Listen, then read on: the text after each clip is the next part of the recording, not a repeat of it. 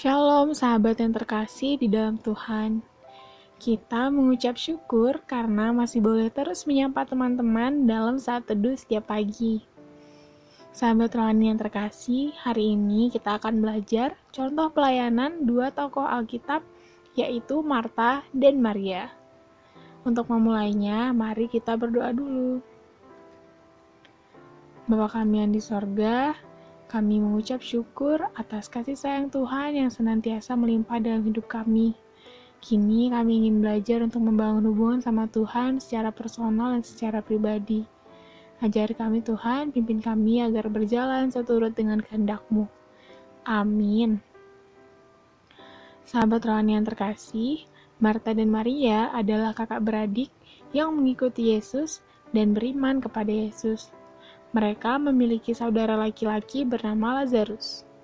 Mari kita fokus kepada Maria dan Marta, yaitu dengan perikop kita hari ini, Lukas 10 ayat 38 sampai 42.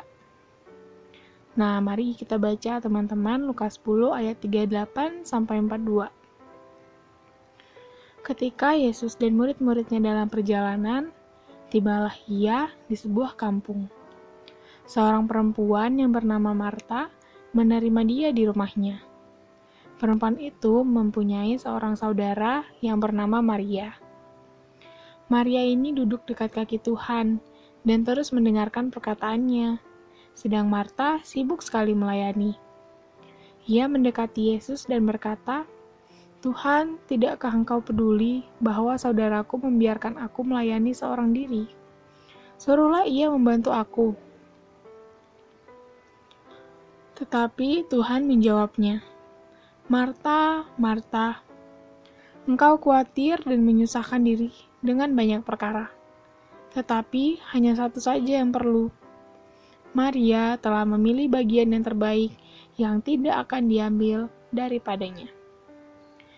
Teman-teman, bisa kita lihat dari perikop di atas. Mereka memiliki cara yang berbeda dalam melayani Tuhan Disebutkan kalau Maria duduk mendengarkan Yesus di dekat kakinya, sedangkan Marta sibuk melayani. Arti melayani di sini dimasukkan mempersiapkan jemuan untuk Yesus dan orang-orang yang menyertainya. Kisah Marta dan Maria ini sangat erat kaitannya dengan bagaimana cara kita membangun hubungan dengan Tuhan. Contohnya, ketika kita terlibat dalam sebuah kepanitiaan, seperti Natal dan kebaya kepanitiaan besar lainnya. Kita sibuk untuk mempersiapkan ini dan itu, dimulai dari acara, dekorasi, sampai hiburan. Namun terkadang adakah dari waktu-waktu sibuk itu kita ambil saat teduh untuk diam di kaki Tuhan, mendengarkan apa yang sebenarnya Tuhan inginkan, mendengarkan bahwa ada pesan-pesan yang paling penting yang sebenarnya harus lebih disampaikan dalam perayaan kita tersebut. Hal ini tidak hanya berlaku dalam pelayanan kita pada perayaan besar, namun sama halnya dengan kegiatan pelayanan kita dalam kehidupan sehari-hari. Tentu saja, sangat boleh untuk mempersiapkan yang terbaik untuk Tuhan. Tentu saja tidak salah ketika kita menginginkan semua hal berjalan dengan lancar tanpa kesalahan. Namun, ada waktunya bagi kita untuk duduk diam di bawah kaki Tuhan dan mendengarkan perkataannya. Izinkanlah kehendaknya yang terlebih besar terjadi di atas semua keinginan dan di atas semua rencana kita. Kita harus menyelidiki dan peka untuk merasakan apa yang sebenarnya Tuhan inginkan. Dalam cerita ini, Yesus menegur Marta karena terlalu fokus melayani dan lupa untuk duduk diam di hadirat Tuhan. Namun, ada satu hal yang harus kita sadari juga, bahwa Yesus mengasihinya. Teguran dan koreksi adalah bentuk kasih sayangnya kepada Marta, supaya dia benar-benar punya keyakinan dan prioritas yang tepat dalam hidupnya. Nah, sekarang kita kembali ke awal. Jika kita mendapat kesempatan untuk menyambut Tuhan di hidup kita, Seperti apakah kita akan menyambutnya? Hmm, semoga kisah Marta dan Maria ini boleh menjadi perenungan bagaimana melayani tidak hanya tentang persiapan secara fisik, namun juga secara rohani. Amin ya, teman-teman.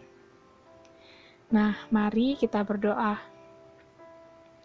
Ya Tuhan, Bapa di sorga, kami mengucap syukur atas satu hari lagi pelajaran untuk taat mengambil saat teduh yang dapat kami lakukan. Hari ini kami diingatkan kembali untuk fokus kepada Tuhan, terlebih kepada hal-hal lain yang membuat pengertian kami salah akan Tuhan. Ingatkan kami Bapa bahwa sesungguhnya di atas segala sesuatu yang kami rancangkan akan selalu ada kehendak Tuhan yang bekerja lebih besarnya lagi. Jadi, seharusnya kami hidup dengan lebih bersandar kepada Tuhan. Harusnya kami mengelilingi apa yang kami dengar, apa yang kami lihat, apa yang kami serap, seluruhnya berasal dari kebenaran firman Tuhan. Semoga apa pun yang kami lakukan dapat berkenan di hadapan-Mu. Terimalah doa kami Tuhan, ampuni dosa kami, dan kami ingin hidup dipimpin oleh Tuhan. Amin. Terima kasih teman-teman. Selamat beraktivitas. Shalom.